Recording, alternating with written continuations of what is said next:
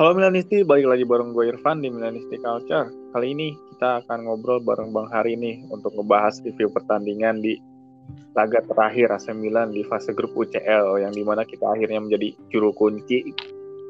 Ya, mungkin nggak apa-apa sih karena ini juga baru uh, kembalinya lagi AC Milan setelah tujuh tahun absen gitu walaupun kita punya tujuh gelar UCL gitu ya nggak apa-apa lah gitu sebagai debutan lah Oke, langsung aja kita sapa nih Bang Hari. Halo Bang Hari.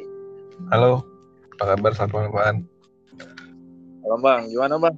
Kemarin kita kalah di satu nih. Kakak ya. Nah, iya sih, uh, ya kalau gue sih nggak terlalu kecewa sih, uh, realistis lah dengan kondisi squad yang ada, kita keterbatasan banyak yang cedera, dan memang kalau menurut gue UCL uh, nggak muluk-muluk kan targetnya kita sebenarnya lolos dari babak grup tapi memang ternyata hasilnya berbeda. Tapi oke okay lah maksud gue biar uh, gue sih lebih uh, condong untuk Milan fokus di Liga dulu sih. Tapi uh, untuk yang UCL kemarin kan bonus lah ya kita paling tidak udah udah uh, udah bisa nyobain lah yang karena kan sebagian besar uh, di tim Milan sekarang squad sekarang tuh mostly memang banyak debutan ya di UCL ya. Maksudnya pengalaman di Liga Champions itu sedikit gitu. Paling hanya kayak beberapa kayak Giroud, uh, Ibra, uh, sisanya kan banyak yang yang yang uh, baru pertama ya. Jadi oke okay sih, masih nggak ada masalah sih. Ya, dan kemarin tuh uh, kita kalau uh, secara kesimpulannya ya detailnya itu uh, Tomori tuh bikin gol pertama kali lalu uh, kita dibalas dengan dua gol dari Muhammad Salah dan Origi ya yang di mana di gol ya. ada blunder juga dari Tomori yang dari... uh, dia juga mengakuinya gitu bahkan dia sampai hmm. nangis di lapangan gitu yeah. karena uh, blundernya itu loh gimana pendapat lo nih ya ya namanya pertandingan ya uh, pasti juga siapa sih yang nggak pengen eh, nggak uh, blunder gitu apa?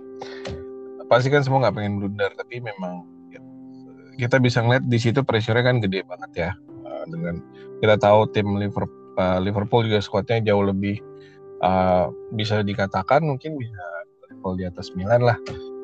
Dari sisi permainan juga uh, berbeda kan ya maksudnya pressingnya juga mereka gila dan dan semua ini udah mateng sih. Jadi jadi ya ya pasti kalaupun ada kesalahan uh, apa namanya individu ya kita juga nggak bisa terlalu ini sih. Karena memang pressure-nya uh, besar banget sih menurut gue. Iya, sampai uh, kemarin juga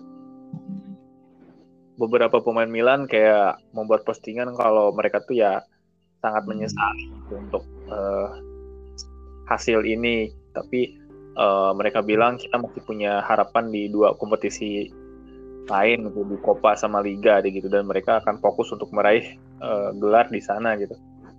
Iya. Gue setuju sih sekarang ya menurut gue sih fokusnya di dua ini aja ya. Mungkin ya atau salah satu gitu karena kalau ngeliat tren sekarang ini Milan benar-benar habis-habisan ya harus survive dengan banyak pemain yang cedera. Uh, menurut gue fokus kalau buat gue sih sebaiknya fokus di liga dulu yang prioritas pertama, kedua Copa ya. Karena ya kita tahu so, udah lama banget Milan Scudetto apa uh, ya Scudetto kan ya. Semua Milanisti pasti nunggu-nunggu Milan bisa Scudetto lagi gitu. Dan dan maksudnya untuk untuk untuk secara gengsi juga uh, itu masih masih lebih lebih bergengsi ya dibanding Copa. Tapi bukan berarti juga kalau ada kesempatan di Copa kita buang gitu sih. Itu sih. Iya.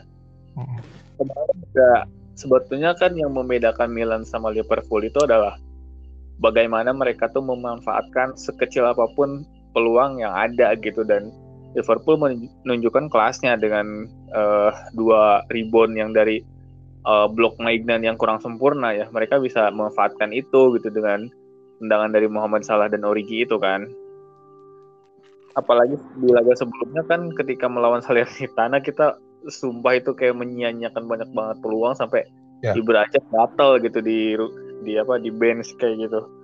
Nah, omongan nih kemarin katanya ini yang main Magnan gitu. Kalau misalkan Tata bisa habis ini kayak gitu. Kayak kayak ada ada ketidakadilan sosial nih di sini. Iya, kita juga nggak bisa menilai uh, apa ya uh, menjudge uh, ini sih ini kalau Tata habis nih belum tentu juga gitu loh. Uh, kita ya kita tahu namanya bola kan uh, semua bisa terjadi gitu. Dan dan, dan apa namanya uh, ya memang kalau kita bicara skill mungkin main, mainnya lebih lebih uh, sedikit satu tingkat di atas Tata menurut gue pribadi ya. Tapi belum tentu juga mungkin kalau misalnya Tata dipasang pada saat Salernitana uh, bisa lebih banyak kebobolan gitu. Yang pasti memang harus uh, ya Pioli harus muter otak sih untuk untuk gimana uh, terutama finishing ya. Kalau kalau gue lihat uh, mungkin bisa koreksi kalau mungkin ini. Gue lihat masih kurang apa ya Milan masih kurang greget untuk finishing itu. Gue kayaknya memang butuh ada satu lagi posisi AM, AMF atau atau gelandang ya. Untuk yang yang yang memang yang sudah udah matang gitu yang visinya jelas maksudnya.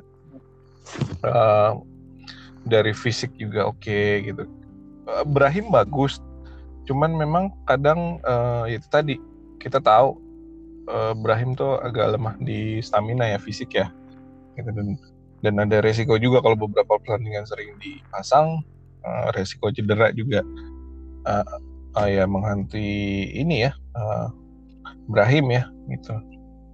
Hmm. Kelihatan banget kan kayak kita itu um, timpang banget dengan Liverpool apalagi ketika Jurgen Klopp dengan jahatnya gitu memasukkan bocah 18 tahun yeah. dua bocah 18 tahun untuk bermain gitu. Dan ya ya kita lihat lah gitu uh, di kita gitu pemain-pemain kayak Daniel Maldini kayak Jungda gitu terus kayak um, pemain-pemain Primavera-nya gitu loh. Itu kan emang jarang banget dapat menit bermain ya bahkan pemain inti kita aja yang nom, apa uh, dominan kan pemain muda aja masih kayak belum mengeluarkan kemampuan terbaiknya gitu dan kita kemarin kayak uh, melawan lapis kedua dan kita masih bisa uh, kalah juga gitu. Iya. Ya ya itu ya, maksudnya juga mungkin jadi pekerjaan uh, tim prima apa uh, jajaran pelatih tim Primavera ya. Sebenarnya mungkin menurut gue sih bukan Milan aja, seluruh mungkin hampir semua klub Liga Italia juga untuk misalnya Primaveranya diadu dengan pemain muda Inggris juga. Menurut gue uh, apa namanya ya mungkin masih satu tingkat di atas uh, di di bawah Liga Inggris menurut gue sih. Kalau gue lihat bukan Milan aja sih. Gitu. jadi ya gue nggak tahu sih ini uh, ya jadi PR sih buat buat buat uh, jajaran pelatih tim Primavera khususnya buat Milan ya. Karena kita juga tahu Primavera uh, tim Primavera Milan juga kurang bagus ya di di di liga ininya ya di liganya lagi kalahan mulu juga Hmm, dan berapa kali sempat dibantai ya waktu itu ya? Iya. Sama sama siapa waktu itu ya? Kalau ada gue gue gak lupa gue. Gue dibantai deh. Nah. nah, dengan hasil ini kan Milan di um, juru kunci ya bang. Menurut lo uh, dengan uh, apa yang kita terima saat ini gitu dari akun-akun troll bahkan akun-akun yang kayak biasanya nggak ngetrol ikutan ngetrol gitu. Yang katanya ini mana nih DNA Milan kok malah juru kunci? gitu-gitu. Nah gimana respon lu sebagai fan? Iya gue udah biasa ya udah melewati fase-fase kayak gitu. Jadi ya memang mau diapain lu juga mau terus silakan. Memang kondisinya uh, tim sekarang ini masih proses buat dimatengin gitu lo lawan Liverpool yang sudah lima tahun ke belakang udah disiapin gitu.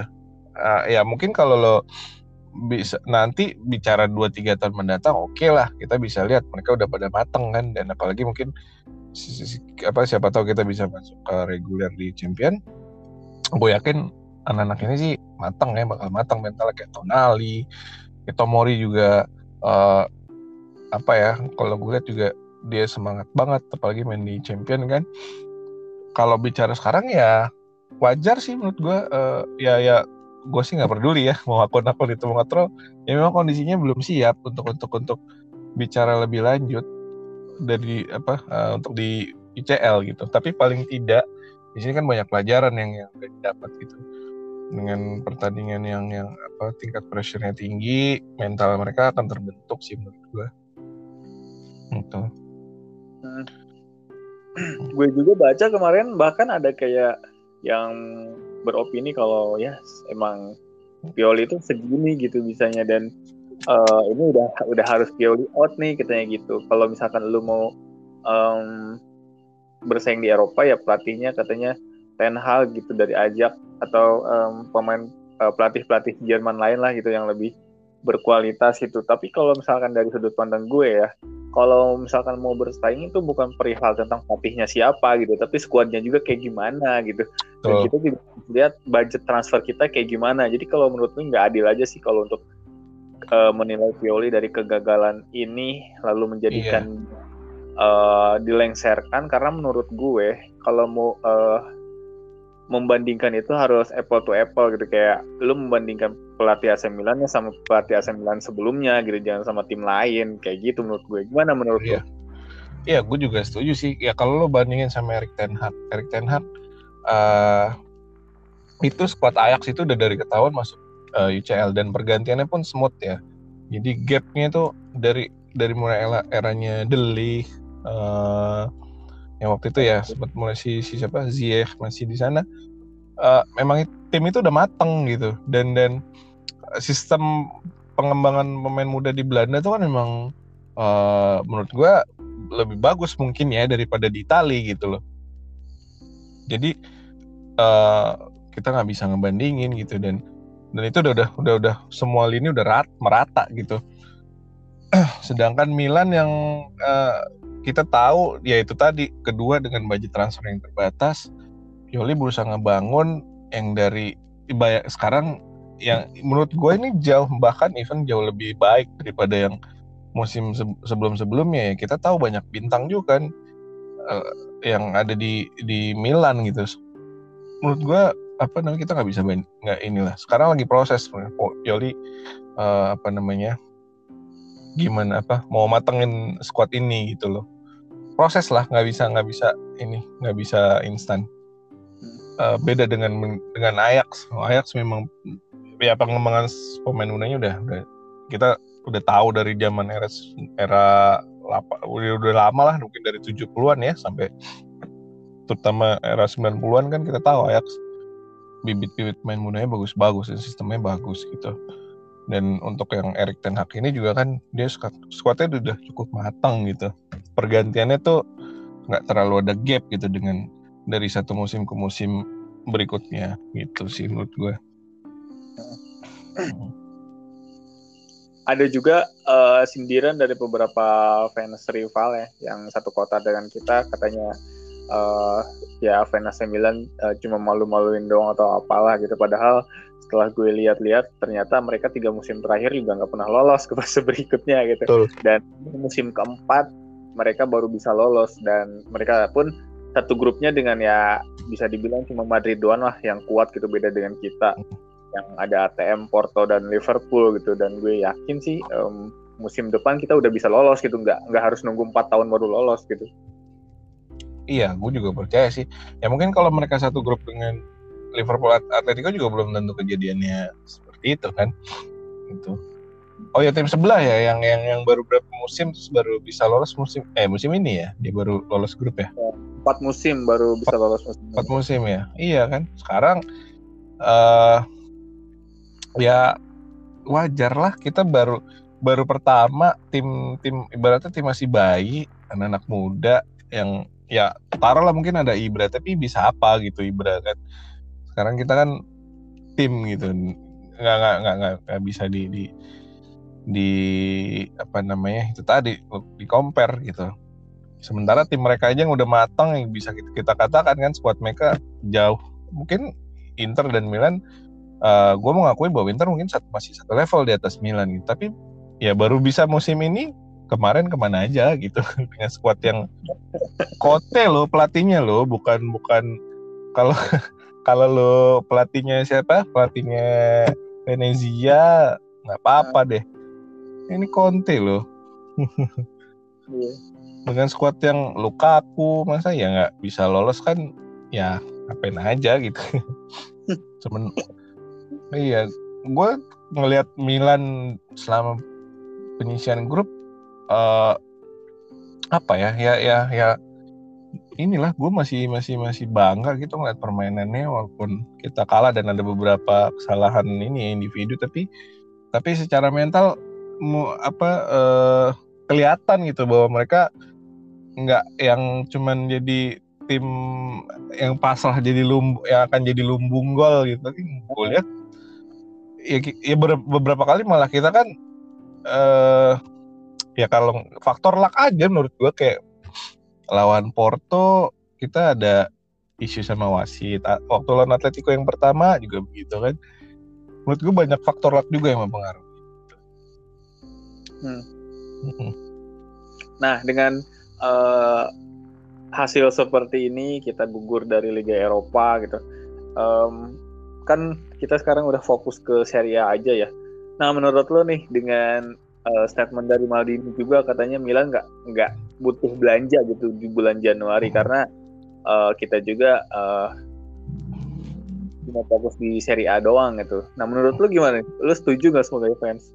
Uh, sebagai fans ya jujur sih gue kalau untuk uh, apa namanya gue pribadi ya uh, gue agak sedikit kontra karena gue lebih melihatnya kita uh, banyak pemain-pemain yang cedera gitu dan dan resiko misalnya dia bermain sering nanti endingnya beberapa pertandingan dia uh, tiba-tiba ada lagi yang cedera gitu. Jadi uh, harusnya sih ada satu dua pemain yang yang didatengin sama Milan gitu.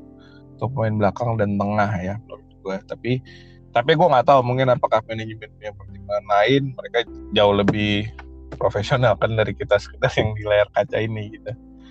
Uh, kalau tapi kalau gue sebagai fans ya gue pengennya sih ada dua ya dua atau tiga pemain lah itu buat buat buat apa namanya untuk uh, nge-backup dan dan ngelanjutin sisa musim gitu. Karena uh, eh, gue lihat gue nggak tahu kenapa ini tim medis Milan uh, kenapa ya maksud gue banyak banget itu beberapa pemain yang nanti baru tiga pertandingan ntar cedera lagi terus ya begitu deh. Jadi agak-agak mengerikan sih ini. Udah udah mau, mau mau apa namanya tengah musim kan. Kemarin kita pengalaman kemarin habis bensin habis uh, musim dingin.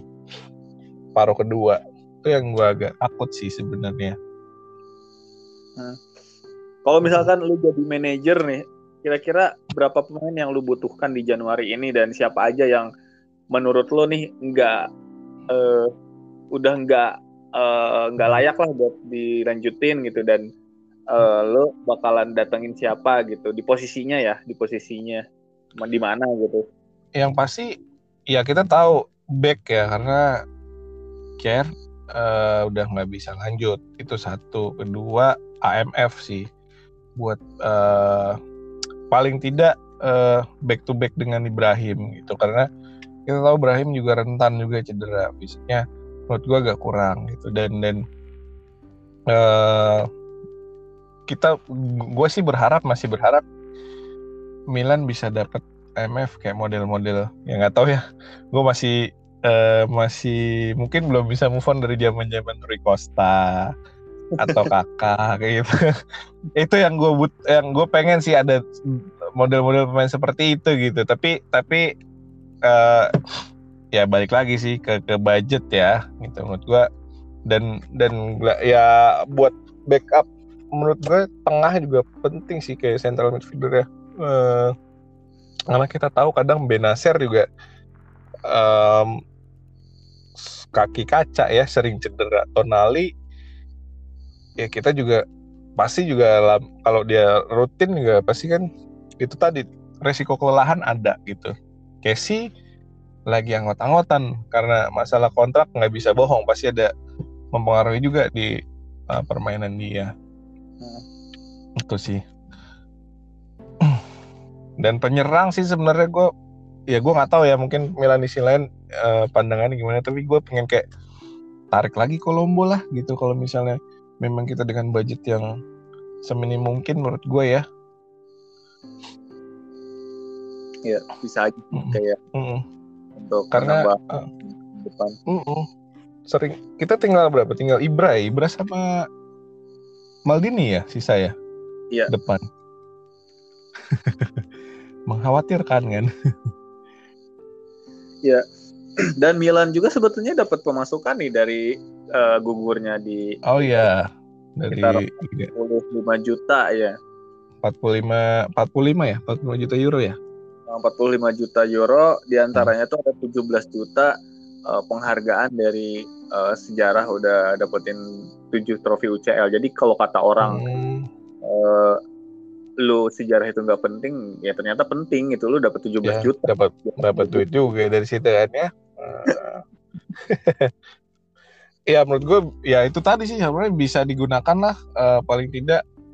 Ya ada pemain yang datang lah karena ya gue melihatnya ini agak mengerikan gue sebagai fans sih karena kayak squad kita pas-pasan gitu dan dan dan pertandingan juga kayaknya itu tadi menjelang paruh kedua nih kan menentukan banget ya lawan-lawan kita kayak Udinese nanti juga ini suka sering ngerepotin nih Udinese nih kayak Fiorentina model-model yang suka mengganggu gitu loh. Hmm. Nah kalau misalkan lu nih uh, kan uh, di UCL kali ini um, beberapa pertandingan lu pasti nonton lah ya gitu. Nah apa yang bakalan lu ingat gitu di mungkin 10 tahun ke depan kalau uh, Milan yang musim ini tuh apa sih yang lu inget nih di UCL musim ini tuh? Uh, di UCL ya. Uh. Di UCL itu um... uh, mungkin golnya Mesias yang ke Atletico sebagai penentu. Oh iya, itu juga tuh Mesias juga itu juga gue surprise sih. Uh, yang nggak nggak nggak ngira gue si Mesias Terus juga waktu lawan Atletico sih yang kita di di ini ya San Siro ya. Itu ya. Itu ya, itu itu gue ngeliatnya sih terhormat banget sih kalahnya. Menurut gue dengan fighting spiritnya luar biasa. Tonali menurut gue, gue musim ini pemain favorit gue Tonali. Kalau gue sih Kronik. Kronik ya, oh iya. Kalau itu gua wah itu udah nggak nggak usah di ini deh. Itu udah pemain suci itu kayak tapi oke okay loh maksud gue. Ya itu tadi sebenarnya dengan keterbatasan kalau kronik nggak ada siapa lagi yang nge-backup di tengah ya? Ya kan gue yang bisa bisa bisa bisa. Dia bisa uh, bermain di beberapa posisi sangat membantu. Walaupun ya akhirnya jadi nggak maksimal. Misalnya kayak di, IMF ya ya kita bisa lihat kan gimana. Tapi paling tidaknya uh, ya sudah bisa membackup gitu. Cuman itu tadi tinggal kita tunggu nih magic magic kadang-kadang dia suka magicnya uh, luar biasa sih kasih lejo ke mana ya kok gue nggak pernah lihat kasih lejo baru sembuh oh, baru sembuh juga uh, oke okay. nah uh, kira-kira nih bang uh, secara kita fans netral aja nih Uh, menurut lo tiga tim aja yang uh, hmm. kemungkinan bisa juara UCL musim ini siapa aja? Tiga tim. Uh, gue Munson, Liverpool dan kayaknya masih Madrid sih. Kalau PSG gue nggak ngeliat. Kayaknya PSG nggak tahu sih ya tapi kalau kalau kalau dari ini pribadi gue kayaknya PSG ya paling nggak sampai nggak kayaknya belum bisa juara deh. Kalaupun final ya paling uh, runner up. Gue belum kayaknya belum gue belum ngeliat PSG bisa bisa ini walaupun dengan bertabur bintang gue sih pegang tiga itu sih Munchen Madrid dan Liverpool oke okay. Munchen, Madrid dan Liverpool ya. uh, tapi tapi uh, Ajax agak ini juga nih. Uh, ini juga sih gue seneng ya? gue gitu. ngeri ngeri. Uh, apa ya gue ya gue dari dari kecil zaman dulu gitu ya kita kan tahu Ajax ya 90-an gue uh, tradisinya tuh di Liga Champion uh, apa sta, stabil lah gitu kan. Dan dan dan musim ini agak kaget juga gue lebih kok gila ya Madrid di eh Madrid Dortmund dibantai. Luar biasa sih. Dan pemain-pemainnya tuh merata semua itu dan gue suka si siapa?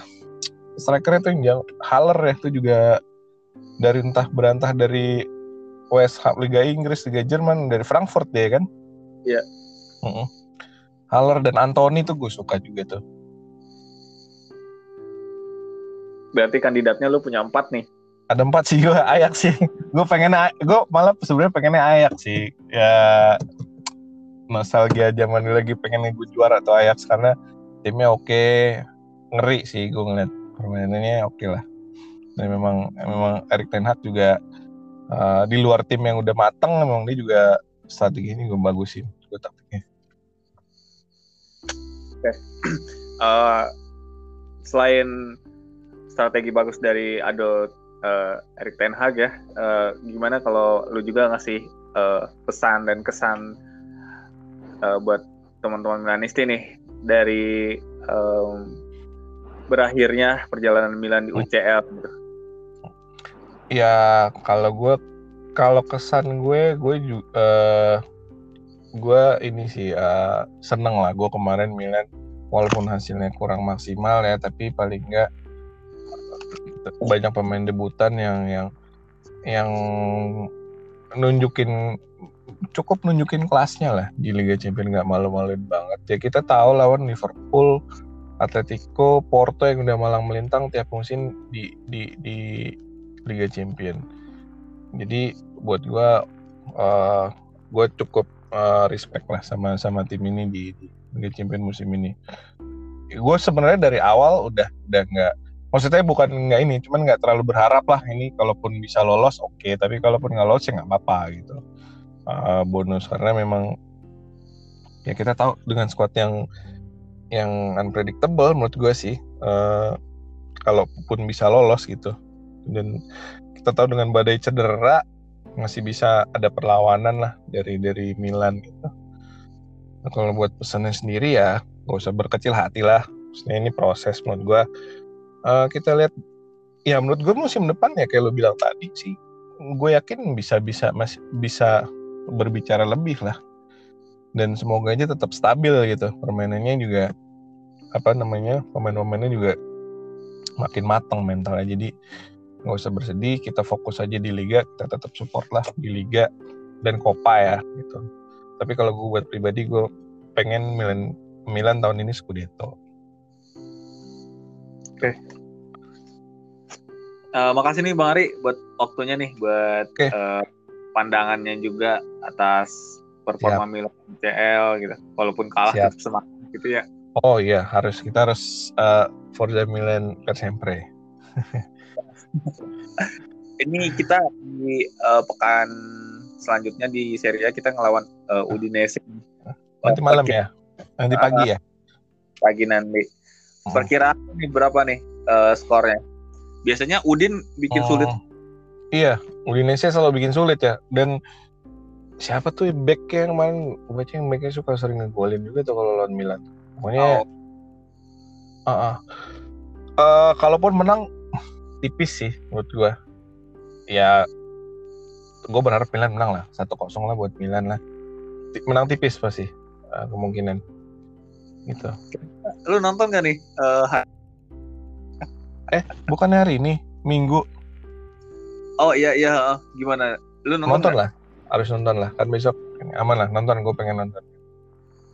Udah berapa, berapa kali gue skip kemarin karena ya pesan ini ya. Gue malam ini gue gue nonton memberi okay. semangat ya kan dari jauh gitu.